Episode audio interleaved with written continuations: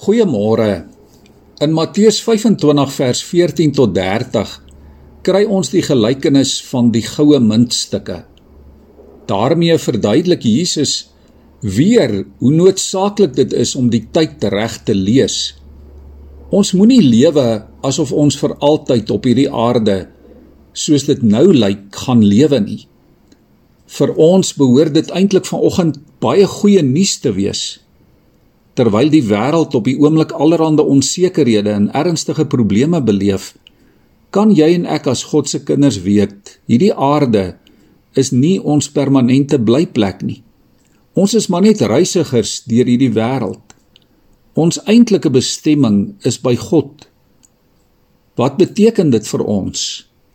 Beteken dit dat ons so heavenly minded moet wees dat ons nou earthly good is? Natuurlik is dit glad nie wat dit beteken nie.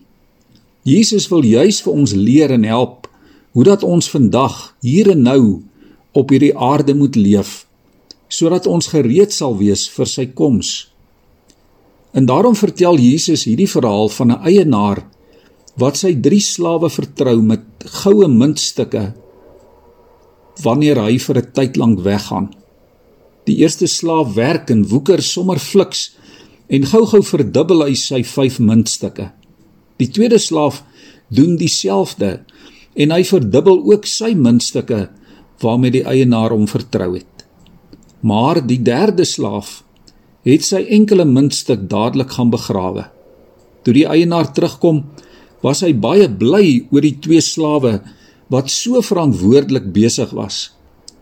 Maar hy was ook verskriklik teleurgesteld oor hierdie derde slaaf so teleurgesteld dat hy hom of haar heeltemal verwerp het. Natuurlik, liewe vriende, gaan hierdie verhaal oor ons as gelowiges se getrouheid aan Christus. Hy vertrou ons met bepaalde gawes en seëninge en geleenthede wat ons met groot sorg en met toewyding reg moet gebruik en moet aanwend. En uiteindelik gaan dit nie oor die hoeveelheid muntstukke wat elkeen kry nie.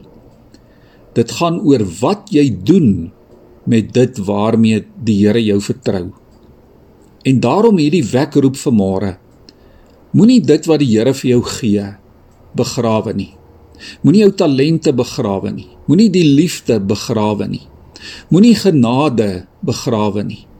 Moenie die kansse en die geleenthede om goed te doen om barmhartig te wees begrawe nie.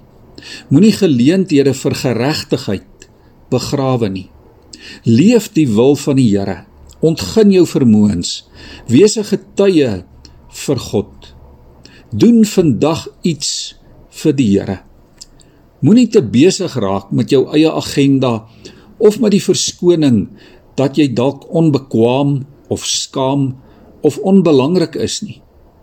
Die Here vertrou jou en hy rus jou toe met sy woord en gees om aktief tot sy eer besig te bly totdat hy weer kom.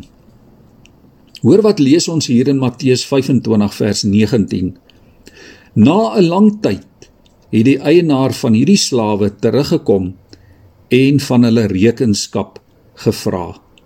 Vers 22 Toe kom die een met die twee goue muntstukke en sê: "Meneer, twee goue muntstukke het u aan my toevertrou. Hier is dit met twee ander wat ek wins gemaak het." Sy eienaar sê toe vir hom: "Mooi so. Jy's 'n goeie en 'n getroue slaaf. Oor min was jy getrou. Oor baie sal ek jou aanstel. Kom in en deel in my vreugde." Kom ons bid saam. Here, dankie dat U ons vertrou met U belange hier op aarde. Here, help ons om vandag nie te wonder oor hoe baie of hoe min ons dalk gekry het nie. Maar Here, help ons om U onbevange en met toewyding te bly dien. Help en leer ons, Here, om mooi te onderskei wat presies dit is wat U wil hê ons moet doen en wat dit is waarmee U ons vertrou.